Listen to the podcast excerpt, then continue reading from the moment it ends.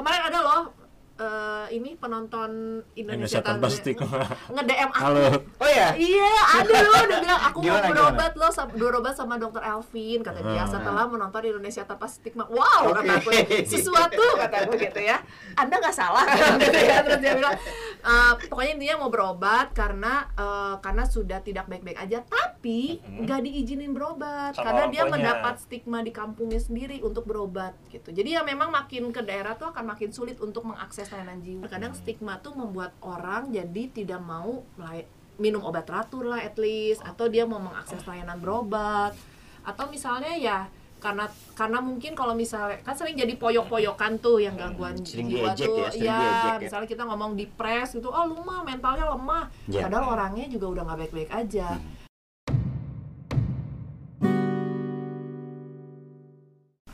Ya, kita ketemu lagi ngobrol sama Mhm. saya Patri Handoyo, ada Dr. Elvin. Iya. Mang Ada Kang Tri. Dr. Elvin, eh, Mas saya Tri Rwanda. Teman-teman, ini awal-awalnya ya kawan-kawan, saya dapat pesan WA, Mhm. WhatsApp, Kang, kita ngobrolin ini yuk stigma pada pasien gitu. Stigma pada layanan psikiatri ya. Terus saya bilang, "Wah, ada masalah apa soal stigma itu?" Mendingan langsung aja nyapatnya. Iya, langsung. Langsung aja kita obrolin. Langsung ya. Apa sih? Iya. siapa tahu ada yang bertanya nanti di kolom Oh, komen iya. ya Ah, Eh, jadi dok maksudnya gimana ada pasien yang sering dapat stigma di kau ngelihat fenomena itu atau kayak gimana sih kok tiba-tiba ujuk-ujuk gitu pat? Ke hari minggu pat. Selamat minggu pagi ceria wa anak teh terus eh, kang kita ngobrolin ini yuk. Kapan-kapan ya soal stigma pada pasien. Iya langsung ditembak loh hari ini loh. Weh, ayo luar tuh ayo karena menarik pasti. Kan ada apa dok sebetulnya dok? Kumaha sih Ah. dokter Elvin? Coba Nah, di, diurai dulu. Iya, diurai dulu Diurai. ya. diurai dulu. Ah. Diurai Jadi dulu. sebenarnya kan pertanyaannya kayak nanya ayam atau telur ya, mana dulu gitu ya. Ah. Nah, Em, beberapa fenomena yang sering ditemukan tuh kan sebenarnya pasien jadi tertunda layanannya karena stigma. Jadi orang tuh mau ke psikiater tuh kayaknya berdoanya tujuh kali lipat lebih kencang supaya gimana caranya supaya jangan sampai jadi ke psikiater. Hmm. Karena setiap ngomong misalnya ngomong ke Hmm. orang tuanya mah kayaknya saya lagi nggak baik-baik aja deh. Hmm. Nih lihat di TikTok misalnya eh, saya teh udah nangis dua minggu segala macam, eh, dua minggu terus udah gitu udah putus asa segala macam. Hmm. Kan keluarnya ah enggak itu mah fenomena anak muda. Hmm. Nah, itu mah galau aja biasa. Nah, terus nanti datang lagi nih anak muda lain bilang saya nggak bisa tidur misalnya gitu. Ke orang tuanya nih. Ah, ke orang tuanya. Tenang naon, itu mah biasa kalau lagi galau banyak kayak gitu. Tapi kan Banyakin zikir aja Ah. gitu. aku nggak ngomong gitu. Iya, aku ya ngomong gitu. Yang ngomong. oh ya Eh, kan jadi akhirnya kalau nggak kadang suka sarannya tuh suka aneh lagi ya kadang kalau nggak bisa tidur udah aja minum antimo udah bisa tidur tidur keneh kan gitu Hmm, biasanya gitu. oh ada loh yang kayak gitu loh Ada ya. ada loh amazing nah tapi kalau mereka ngomong ke teman sebenarnya kan akan menjadi solutif karena tiba-tiba ada yang ngasih obat lah Hmm. lu pakai iya orang gitu bisa saran Hmm. pakai iya bisa ah gitu Tapi temennya kan bukan dokter. Bukan. sebenarnya bukan dokter tapi sesama sepenanggungan Oh, Nah, sesama Temen. tuh iya tuh bisa Duh, sare saya nggak bisa gitu. tidur nih. Nah, pengalaman Ini- saya Ah. pernah pakai obat iya. iya, misalnya. pakai iya teh ciamik bisa Hmm. Akhirnya kan pola itu akan berulang terus. Hmm. Nah, sehingga si stigma ini kadang menyebabkan orang itu jadi self medicated Hmm. atau orang itu akhirnya tidak pernah mendapatkan layanan kesehatan yang benar. Hmm, hmm. Itu berpengaruh gini nggak? Itu belum menjawab Hmm. sebetulnya pertanyaan saya. Kenapa di kau ujuk-ujuk Hmm. hari Minggu ceria itu Kayaknya si Minggu ceria tanya. ujuk-ujuk nge-WA soal itu apa? Apa itu lagi lagi Aku lagi dapat hidayah loh? Kang. Oh, gitu. itu lagi dapat Hidayah. di jalan karena sebulan ini tuh pasien memang wow banget. Nah, itu dia. pasien Gimana, baru banyak terus kadang suka jengkel gitu ya kasarnya uh kenaon sih geus kieu kakara datang gitunya geus Oke. di ujung tanduk lah atau pernikahan rek anggeus lah Oh, Oke. atau nginum obat geus ditangkap polisi lah kakara datang Oh, jadi datang itu setelah dosisnya tinggi-tinggi Eh, gitu ya. kan bingung mau diapain Oh, oke. suruh rawat inap selesai Udah ngobatin diri sendiri dan dosisnya udah Ah, tinggi. bener. gitu. Oke. Jadi mereka udah eh, datang ke ke ke dokter. Elvin itu udah Udah dalam sebelumnya tuh udah pada sering make dalam kondisi ketagihan. dengan dosis yang banyak. Ah. Benar itu itu banyak banget loh yang datang udah kayak gitu. Hmm. Geus teh lamun kayak gitu kan adatnya setengah matinya geus hayang nyekek kadang kalau datang teh aduh Tuhan. Datang tehnya tuh kan udah ditulis nih resepnya dia teh baca dokter ngeresepin saya apa? Ini udah bener sih obat yang saya butuh tapi jumlahnya berapa? Saya kan dosisnya nggak segitu eh sia cakep gitu kadang suka ih gemes gitu ya sama eh pasien-pasien Yang tercinta dokter siapa gitu kan? Eh, kadang suka galak gitu terus Eh. kalau nggak dia iya iya iya terus nanti tiba-tiba marahnya ke yang itu yang bagian billing Oh. Oh. Kenapa sih dokternya ngasihnya kayak gitu? Kan saya nggak segitu resepnya. Ya kenapa bapak nggak komplain di dalam? Nggak berani dokternya galak. Oh, galak, Pak. Eh, galak. loh. Sebenarnya bukan galak loh. Sebenarnya saya tuh Berwibawa. mencintai, mencintai loh. Oh. Kan kalau dia berobat, kan harus membedakan antara berobat atau minta obat. Oke. Nah, gitu. Kadang kan stigmanya akhirnya menjadi berat karena mereka juga nggak bisa ngebawa. Kan kalau saya suka bilang kalau teman-teman yang senior tuh udah bisa ngebawain lah ya. Misalnya saya minum obat nggak nyaho ya gitu. Tarik teingna sakumaha. Namun iya kan nyeblay datang ge masih teler gitu terus udah gitu dia ngajak ngobrol juga saya sampai bingung kamu tuh ngomong sama saya atau sama siapa sih dari tadi Nah, kalau nemuin pasien-pasien kayak gitu, gimana sih? Eh, maksudnya ada nggak sih eh, apa namanya teknik tersendiri gitu untuk dia diajarin nggak sih? Atau nah biasanya biasanya gimana? biasanya sih seharusnya kan berobat itu kalau adiksi ya Hmm. keluarga tuh kan harus datang. Jadi Oh. adiksi itu kayak pengawas minum obat harusnya. Oke. Hmm. Cuman penggunaan obat-obatan ini kan udah pernah dibahas sebelumnya juga agresifnya kan jadi muncul ya Kang Patri. Kalau nggak bisa ngebawain tuh kan lebih galak. Jadi yang PMO ini juga takut juga. Oh. Akhirnya LEOG gitu. Jadi ya kalau si kognit eh, si pikirannya dia masih belum bisa selesaikan dengan diri sendiri kayak Hmm. oh saya bisa kerja hanya kalau minum obat misalnya saya baru bisa tenang kalau minum obat padahal dia bukan berlatih untuk menyelesaikan masalah Hmm, hmm. tapi dia lari sebentar dari masalah jadi kan ges abok ya ges teler sadar deh oh nya heeh nya masih loba masalah Hmm. jeprut kayak kan gitu Kebanyakan pasien yang kayak gitu yang sebulan terakhir tadi itu itu pada minum apa sih self medicative-nya apa? wah macem-macem tramadol itu lagi Oke. hits Oh, tramadolnya happening ya. eh, itu lagi happening tuh Hmm. tapi katanya tramadol yang sekarang bikin hidungnya gatel-gatel. Oh ya, Oh, ya. minumnya banyak kali. mungkin ya atau dal- ya mungkin beli di warung hologram itu itu. Tramadol terus alprazolam terus eh, ya kayak clonazepam itu mah inilah ya. Benzo lah ya. Ya itu tetap lah ya nah itu teh gitu. kekehnya bagaimana menghilangkan si stigma bahwa si benzo itu adalah andep padahal dia kan bukan andep Oh, mereka Gitu. selalu berpikiran itu uh, Antidepresan. Oh, antidepresi antidepresan. ya. ya. emang bener sih minum obat itu tuh kayak dunia nggak ada masalah kan. Ah, ada ah. utang ya, wah bisa lah cemasnya lenyit. Gitu. Nah, tapi itu bukan andep yang benar. Nah, teman-teman tuh kadang kan kalau dikasih andep, andepnya nggak diminum. Hmm. Yang diminum itunya doang. Hmm, hmm. Gitu. Jadi memang WAW banget sih masalah ini. tapi lucu loh. Hmm, hmm. Sebulan terakhir tuh kayak gitu ya, lagi apa namanya ma- mereka datang Angkanya tuh makin naik sih. makin naik, makin naik. Benar. Oke, Eh, itu di daerah mana? Umum ber- umum berlaku di kita kan tinggal di Bandung Raya nih ya. Hmm. Eh, itu di Bandung Raya umum berlaku. Mungkin di kalau dengar semua dari area kayak gitu deh. gitu ya. Mm-mm. Oke. Sebenarnya kalau menarik sih kita kapan-kapan kita panggil Bepom. Hmm, kan dia benar-benar. punya data kan Iya sebenarnya. ya, iya. ya. Atau misalnya dari Kementerian Kesehatan kan kita report tuh data-data Signas gitu kan itu Hmm, seharusnya hmm, bisa tuh. Gitu. memotret tadi ya, capture tadi ya. Bener. soal gimana sih kecenderungannya. Tapi balik lagi ke yang eh, dokter Elvin alamin tadi dalam satu bulan itu kecenderungannya kayak tadi. Terus kemudian banyak yang udah datang dengan dosisnya tuh, pengen yang high ya, Iya, pengen yang tinggi. betul. Kemarin ada loh eh, ini penonton Indonesia, Indonesia tanpa stigma. nge-DM aku. Halo. Oh ya, Iya, ada loh udah bilang aku mau berobat loh sama berobat sama dokter Elvin kata dia Ah. setelah menonton Indonesia tanpa stigma. Wow, kata aku Oke. sesuatu kata aku gitu ya. Anda nggak salah gitu ya. Terus dia bilang "Eh, pokoknya intinya mau berobat karena eh, karena sudah tidak baik-baik aja tapi nggak diizinin berobat Sama karena dia mendapat stigma di kampungnya sendiri untuk berobat gitu. Jadi ya memang makin ke daerah tuh akan makin sulit untuk mengakses layanan jiwa. Oke ini menarik ya Eh, teman-teman terima kasih banyak ya. Jadi rupanya ya ibaratnya gini lah ajak ajakan kita Pat buat Hmm. datanglah ke profesional yang memang ngerti soal itu Hmm. itu ditanggapi ya ada yang Ya. paling nggak ini satu satu orang mungkin nanti bisa ada berapa orang Iya, yang dan, dan ini kan tergerak. pasti mewakili teman-teman yang lain juga gitu yang Hmm. punya Iya. kondisi sama. Iya, iya, karena kami selalu meyakini teman-teman datangnya tuh kalau memang membutuhkan layanan, ya datang ke profesional kan gitu. Dalam hal ini ada dokter, Hmm. ada ada psikiatri lah.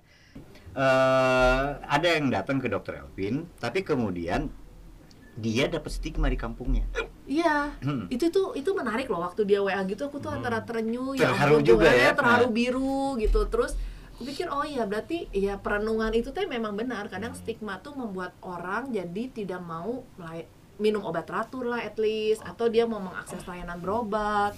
Atau misalnya ya karena karena mungkin kalau misalnya kan sering jadi poyok-poyokan tuh yang gangguan Sering jiwa diejek tuh. ya, sering ya diejek ya. misalnya kita ngomong depres gitu oh lu mah mentalnya lemah. Ya. padahal orangnya juga udah nggak baik-baik aja terus kayak ketahuan minum benzo oh lu mah pecandu misalnya gitu kan nggak enak ya didengarnya jadi akhirnya teman-teman jadi mungkin menarik diri untuk mengakses layanan kesehatan Hmm. belum lagi ngantri di depan polisi psikiatri teh kan Nah, ditinggali iya. ku baturnya merenya wah atas ke bawah balik lagi ke atas gitu kan Hmm, hmm, hmm. gitu jadi ya memang isu stigma ini sangat-sangat urgent Iya. Tapi dok, eh, saya penasaran ini dari tahun ke tahun gitu, Hmm. itu pasien di psikiat polipsiatri makin banyak atau gimana? kalau fenomenanya sih yang banyak tuh sebenarnya yang kayak depresi itu angkanya makin banyak loh Oh, iya? gitu-gitu Hmm.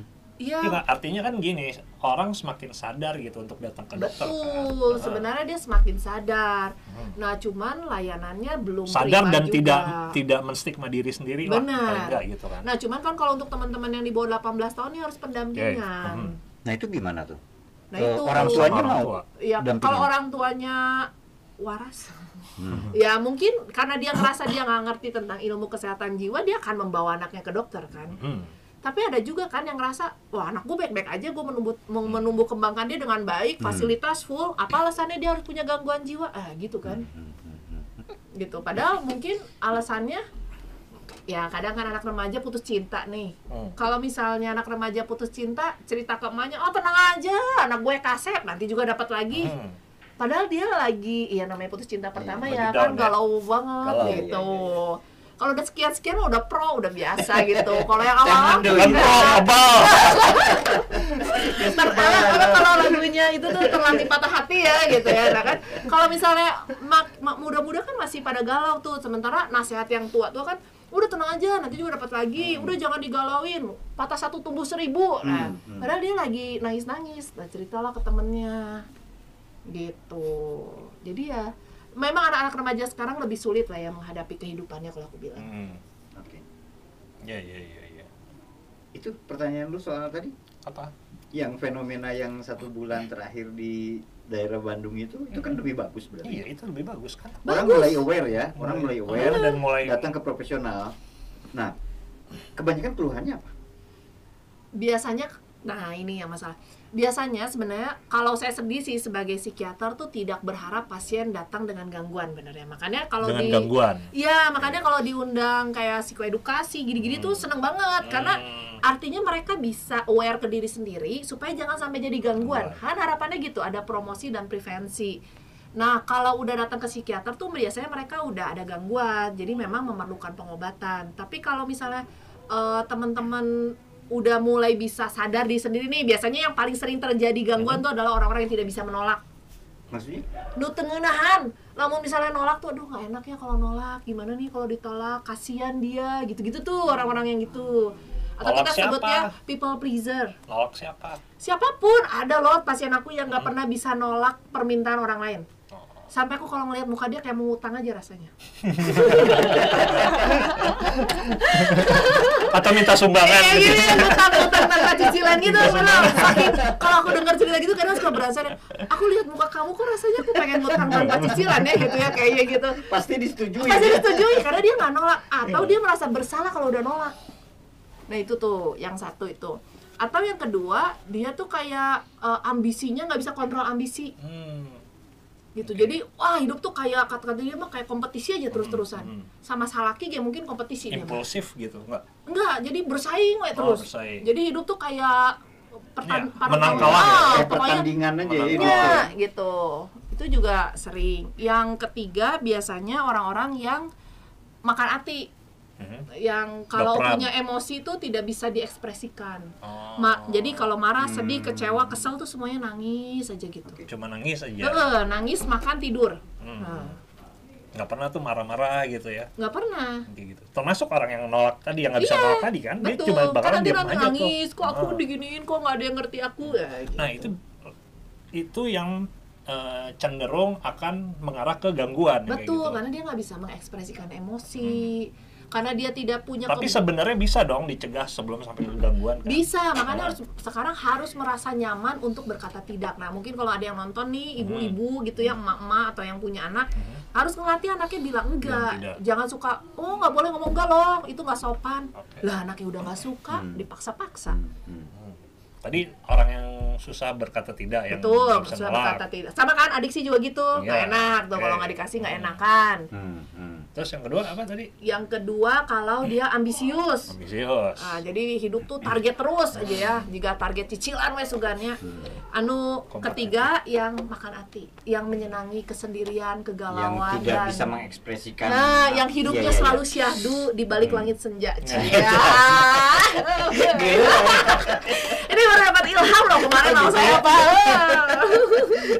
Dok, ini ini menarik yang poin dua kalau gua Pat. Hmm, yang ambisi gimana? salah satunya gitu ya. Gini di satu sisi kan ambisi itu perlu dalam hidup. Saya sering dengar Tapi nggak ambisius ngomong gitu. Tapi bukannya kapitalis ya itu ya? Enggak, tapi tapi selalu orang tuh perlu ambisi Perlu. untuk Betul, mencapai sesuatu kan. betul. Nah, Dok, secara kejiwaan itu ambisi yang macam apa yang sehat dan yang kayak tadi yang udah butuh penanganan. Nah, kalau ambisi itu dalam kontrol dia ya, maksudnya dia Hmm. tahu kapan waktunya cukup gitu loh, Pak. Oh. kan ada orang tuh yang kayak greedy dengan achievement ya wah kurang ya. tuluy Hmm. gitu kalau ada orang lain yang lebih baik dia dia besok harus lebih Oh. baik lagi gitu ya jadi hidupnya tuh kayak hidup di masa lalu terus eh masa depan terus Hmm. nah itu tuh Harus selalu yang terbaik dia tuh ya, Nah. perfect ya. benar kalau kita sebut cognitive distortion tuh must sama should saya harus saya harus. Atau yang should seharusnya kan saya bisa lebih baik. Seharusnya kan bisa lebih sukses. Nah orang yang must dan should si de- must should ini ini tuh sering banget terjadi gangguan. Hmm, hmm. satu lagi orang yang hidupnya di masa lalu yang sering banget what if. Nah, kalau aja ya. dulu eh, kalau aja nah itu tuh Penuh penyesalan terus ya ya. benar jadi meratapinya masa lalu terus. Ini dok, ken- kenapa saya nanya kawan-kawan kenapa saya nanya itu ke dokter Elvin tadi? Saya ingat Pak, bentar lagi tahun politik Hmm. 2024. ya, topik yang paling aku hindari tapi Bentar tapi lagi kan pemilu ya. Panas-panasnya udah mulai rame kan Ah, rame. sekarang kan, ya kan? Mhm. Bahkan kita kami tinggal di Bandung, teman-teman, dan kami lihat ada udah mulai banyak kok bertebaran Ya. baligo-baligo raksasa Ah. kan, caleg-caleg dan sebagainya. Dok, setahu saya dalam pemberitaan-pemberitaan itu suka muncul tuh mereka yang gagal, Hmm. Yang lasut, Mhm. lasut yang gagal eh, nyalon, mereka jadi terganggu. Pernah nggak menangani kasus salah Pernah. satunya, misalnya? Oh pernah ada yang begitu, tanpa harus menyebut nama ya? Iya, Hmm. ya soalnya nggak tahu namanya juga sih. Waktu itu tuh saya lagi koasi sebenarnya. Hmm, nah, hmm, terus hmm. waktu itu tahun politik 2000 2009 kali ya, 2009. Nah, pas lagi koas itu tuh kan di RSJ tuh pas saya eh, waktu Hmm. koas tuh kan di Hmm. RSJ semua kan pendidikan di RSJ. Mhm. Jadi waktu tahun politik itu tuh ada satu bapak-bapak. Jadi dia tuh seneng banget ngumpulin orang. Jadi kalau pagi, siang, sore tuh orang kayak dia di depan sendiri terus yang lain suruh duduk berjajar tiga tiga tiga ke belakang gitu. Itu teman-teman bangsal dia. Kan aku bingung ya ini ngapain sih ya? Iya, terus aku tanya lah. Ini kenapa sih bapak ini kataku caleg gagal dok katanya. Jadi mungkin dia saking fantasinya kali ya memimpin orang banyak sampai pasiennya kursinya tadi dipimpin. Dia kampanye di situ ya, khotbah, pidato, menasehati ya. gitu dia menasehati terus kalau kita wawancara juga dia menasehati si dokternya Wih, terus aku bilang oh ya kayak gini kali rasanya nggak bisa move on tuh ya gitu Ah. Oke, oke. Baik. Nah, itu itu bagian yang mana tadi? Di antara yang tadi Yang ambisius. secara umum, ha? Hmm. yang tidak bisa secara menolak. umum tadi ada yang karena tidak bisa nolak, ambisius bisa. dan seterusnya tadi. Nah. Itu rata-rata kalau caleg menurut menurut Dikon ya, meskipun harusnya riset ya, tapi nggak Hmm. apa-apa lah, observasi Nggak apa-apa. aja ini, Mas. kalau dilihat dari kondisi kejiwaan tuh kan sebenarnya ada yang bilang eh, menjadilah eh, wah jadi ini yang nanti kurang Jadi, dicari kayaknya menjadilah politikus yang sudah selesai dengan dirinya sendiri Oke. eh, gila bijaksana Bijak Eh, bis. jadilah politikus yang sudah selesai dengan dirinya sendiri. Jadi ketika emang lose, ya udah nothing tulus. Namanya juga gambling, ada berhasil ada gagal. Ah. Cuman kan orang kadang maju perang tuh nggak siap kalah ya. Hmm. Wah, meren harta di ya- jadi mungkin biasanya yang kayaknya nanggung. udah gitu semua digadein, Hmm. semua diiniin, Bahkan berutang, kalah, iya, berutang. Jol eleh. Iya. Terus mau gimana? Istri nggak makan, anak Hmm. tiba-tiba, yang tadinya hidup nyaman, Jol ayeuna jadi Kismin. penuh Nah, hutang lagi iya. kan gitu Terus kan nggak siap menghadapi. Terus ketika lagi eleh, istrinya ngawek-wek, kemudian di pinggir dirinya nya, nah, gitu kan. Anaknya lah gini, akhirnya kan dia nggak siap tuh secara mental. tekanannya ya.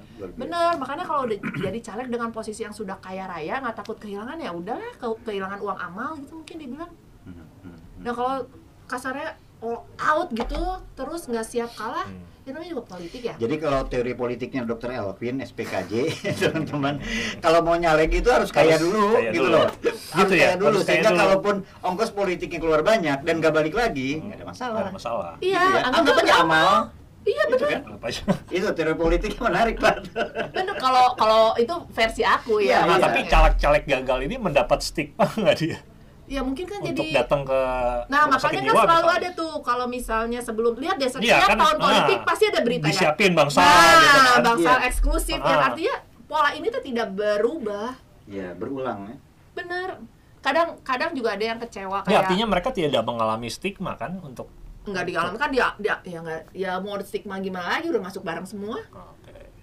Hmm. Mungkin ya akhirnya stigmanya di daerahnya kan tuh. Hmm. Kalau Iya kamu sih, gagal setahu masuk saya, mm, setahu saya di dalam beberapa pemberitaan ada saya ingat di mana ya Cirebon, ada beberapa daerah lah kota kabupaten lain itu jadinya ya gitu orang-orang sekitarnya itu menganggap ya cek dalam bahasa Sunda mah ya Hmm.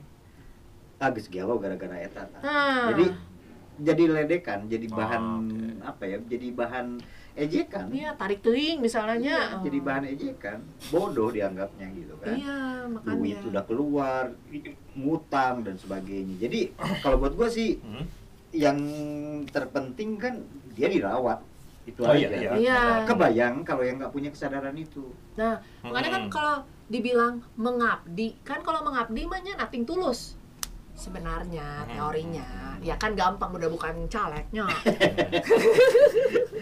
Udah mulai belum ada apa namanya di antara kolega-kolega di kau eh, sama psikiater itu udah mulai ada obrolan-obrolan antisipasi. Bentar lagi tahun politik kayaknya bakalan rame deh 2024. Pasti udah lah ya. kalau sebenarnya kan tahun mulai masuk tahun ini tuh kan semua berita juga kan negatif ya resesi Hmm. ekonomi Iya, lah, iya, iya. udah gitu juga Masa tidak menentu kan? bener Inflasi. terus angka Inflasi iya inflasi angka pecatan di mana angka Hmm, PHK, pecatan di PHK. mana-mana PHK-nya di mana-mana cari duit juga rasanya lebih susah Hmm. kan itu berita-berita yang sudah tidak nyaman ya sebenarnya. Nah, orang kan berharap pesta demokrasi ini menjadi putaran balik bahwa ya walaupun eh, walaupun nggak tahu putaran baliknya apakah dari mana, tapi kan berharapnya ada suatu yang bisa didapatkan ya secara Ratusan ekonomi. triliun loh dari APBN aja Nah, kan itu buat maksud aku penyelenggaraan. teh, ya tong beaku rapat wae atunya masa rapat ya 500 triliun.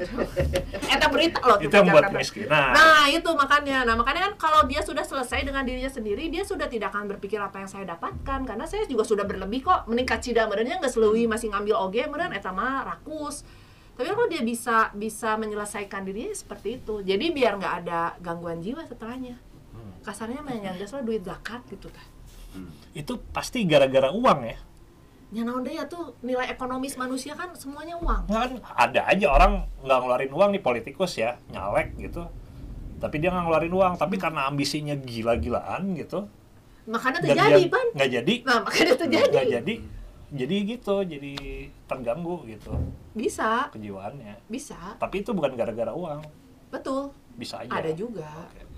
ada makanya jiwa tuh sangat menarik ya makanya satu orang sama satu orang tuh akan sangat berbeda Beda. Hmm. gitu nggak bisa diseragamin ya nggak bisa nah bagaimana kita mengelola itu juga penting karena kayak pengobatan itu juga kan penting hmm. mengelola konsep saya nggak sakit sama saya menerima saya sakit dan saya harus sembuh kan udah jauh berbeda tuh Iya. konsep awalnya karena ada yang berobat udah nangis bombay ngabisin tisu satu kotak jual ketika ya bu jadi mulai sekarang ibu harus mulai rajin minum obat ya Oh, saya baik-baik aja kok. Hmm. Saya cuma perlu cerita aja. Ya kalau cerita mah ke warung kopi we atunya. Hmm. Orang udah nangis, udah ngapain anaknya, udah sama suaminya ribut terus. Masa mau masih ngomong mau ngobrol-ngobrol aja?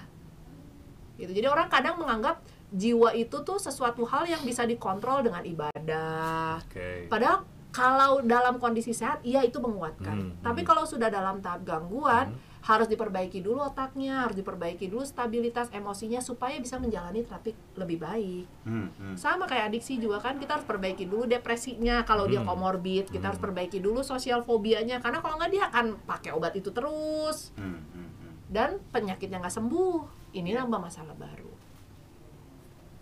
Oke. Orang jadi siga di rumah sakit jiwa nu di Kotbahan teh apa teh menarik Iya, ya. Di SKS mah. Ah, aku kayak Mama Elvin gini. Iya Mama Elvin. lah. Eh, lama-lama ya langsung punya masa Dok. gini ya. Dok, ini eh, topik Topik kedua. Eh, kita dulu topik-topik ini masih masih pengen saya saya punya satu pertanyaan lagi, Pak. Mhm. Gini, Dok, ada yang disebut dengan well-being dan kemudian ada yang disebut dengan kebahagiaan dan sebagainya sebagainya. Itu apa sih eh ap- apa yang harus dilakukan orang agar bisa mencapai tahap tadi gitu sehingga jiwanya nggak terganggu saya percaya yang well-being nggak yang well-being pasti dia dia nggak ada masalah dengan itu gitu Yang pertanyaan. well-being tuh maksudnya apa? Yang kaya? nggak juga Apa? ini ini tahapnya sufi banget. Itu harus melihat ini apa? kesejahteraan lah intinya gitu Iya, iya, sejahtera sejahtera, jiwa kan? raga dan Oke. sebagainya gitu Nah, Gimana tuh? itu tuh harus melihat teorinya Maslow itu loh, Pak. Hmm. Kan memang eh, kebutuhan yang kita baru bilang well-being kalau kebutuhan basic kita terpenuhi kan, makan, sandang pangan papan Iya. lah harus terpenuhi kan. Yang kedua rasa aman. Nah, gimana gimana mau merasa merasa well-being kalau Kalau keamanannya kebutuhan, juga enggak kan ya. misalnya.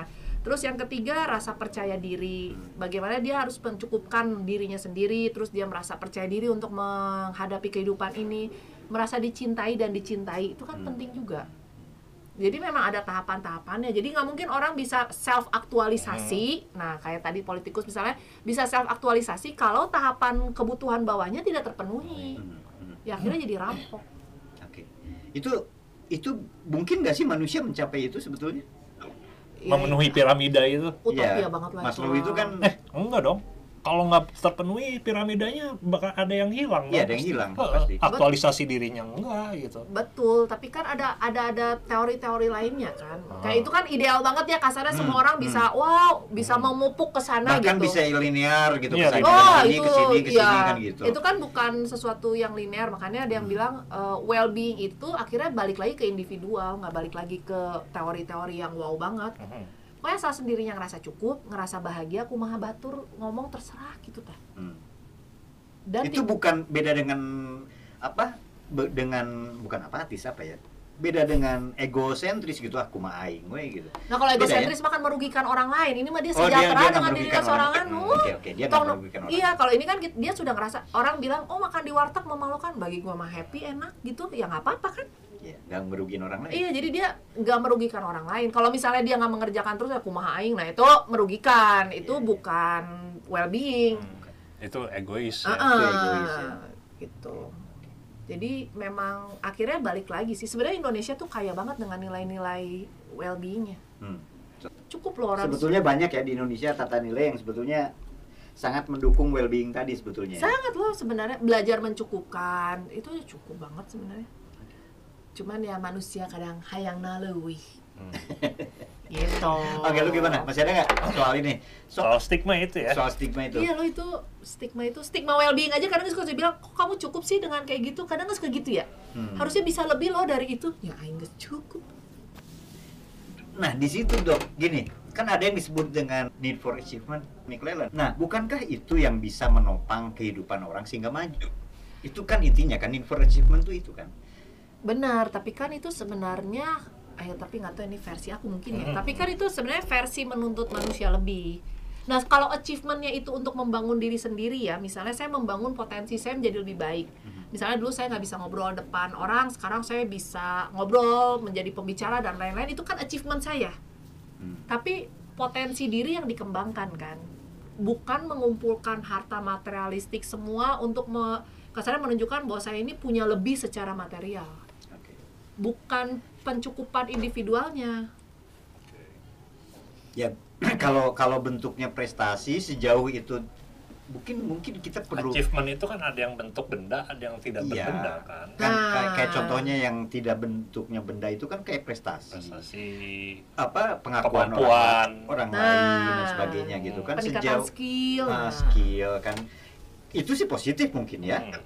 positif itu positif ya tapi yang dimaksud dokter Elvin tadi terus-terusan ngerasa nggak cukup shoot apa yang shoot Iya, shoot sama mas ya. ah, Nah. maksud itu itu di- tidak dalam konteks yang tadi beda beda lagi kalau Masyud kan dia sudah misalnya dia melakukan yang terbaik nih versi dia Hmm. sebenarnya sebisanya waktu itu cuma bisa ngelakuin sampai ren- rentang 80 tapi karena resultnya nilai nilainya dia 80 dan dia merasa harusnya dia 100 dia bilang harusnya saya lebih baik lagi harusnya saya mungkin nggak tidur supaya dapat nilainya Oh. 100 gitu loh jadi sampai menyiksa diri sendiri untuk mendapatkan yang lebih ya berlebihan lah ya Iya kan itu, ya. betul itu Hmm. mengganggu nanti nggak berapa lama berobat juga. Oke Pak, gue pikir cukup Iya, ya. cukup, Soal ini yang jelas teman-teman itu ya pesan yang tadi eksplisit malah disampaikan ya datangnya ke profesional. Hmm. Kalau merasa ada yang salah nih dalam diri Dalam kita. diri. Oh, aku mau nambahin juga. Gimana nah, temen-temen nih coba ya kalau kemarin tuh aku lihat komen-komennya ya. Hmm. Hmm, Nah, kadang aku suka reply kan. hmm. Suka nanya nih ya kayak "E, dok saya sakitnya ini, obatnya dapat ini ini ini Hmm. ini. Eh, menurut dokter seperti apa? Nah, teman-teman kalau berobat, tanyain ke dokternya kenapa saya dikasih obat ini. Oke. Itu boleh ya nanya gitu kan? Boleh dong kan bingung ya. Ayo orang kita nginum obat 8. Kenaon sih obat loba-loba ting misalnya ya. Jangan ngomelnya di sosial media yang dokternya juga nggak bisa jawab.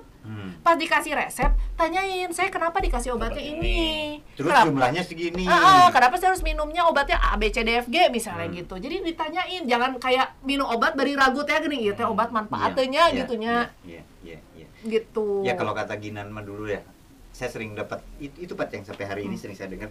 Ya kita, kita harus tahu persis zat yang kita makan apa. gitu loh. Yang kita konsumsi itu kita harus tahu persis gitu loh. Hmm. Sehingga ya ya kita bertanggung jawab lah sama badan kita. Bener kayak misalnya kalau yang teman-teman bilang, "Oh, misalnya ya kayak minum alkohol nggak apa-apa." Hmm. Tapi tahu yang dikuat di badannya Iya, berapa iya, tong nepi iya, ka mabok iya. narehe atunya Iya, gitu iya. tah maksudnya. Kan nggak apa-apa kalau misalnya pengen wine sesip dua sip mah kan gitu. Atau bahkan yang bahaya kan yang oplosan gitu. Hmm. Ta eta. Gitu kan. Ya kita tahu lah betapa bahayanya yang kayak gitu. Kalau Iya. kita sadar bahayanya itu kan masa iya mau kita minum Nah, kadang itu sering tuh oplosan, dia pengennya dosis yang tinggi, padahal saya bilang ya enggeus lah nya, lamun misalnya sanggup nabir nu normal-normalnya enggeus we nu aman gitu. Tiba-tiba minum nu dosis tinggi Iya, jual iya. isukan na buta. yang resmi gitu kan, Ya. bisa dibeli di toko nah, gitu kan. bener. Yang rasanya normal juga kan Hmm. kadang kalau yang itu rasanya aneh kayak spiritus cek aku mah. Emang spiritus itu. Kayak Emang pernah aja. Udah pas pernah aja. eh, aku pas minum, naon sih ngeunana iya naon sih nu bisa dinikmati gitu cek aku mah gitu. Emang per- pernah nyoba oplosan? oplosan mah henteu, cuman Iya, kan kadang kayak jin gitu kan, dosisnya tinggi-tinggi. Oh. Naon sih ngeunana nggak bisa dinikmati gitu. Hmm. Gitu dulu Oke, ya. sip, sip. Oke, teman-teman terima kasih banyak. Terima kasih. Sampai ketemu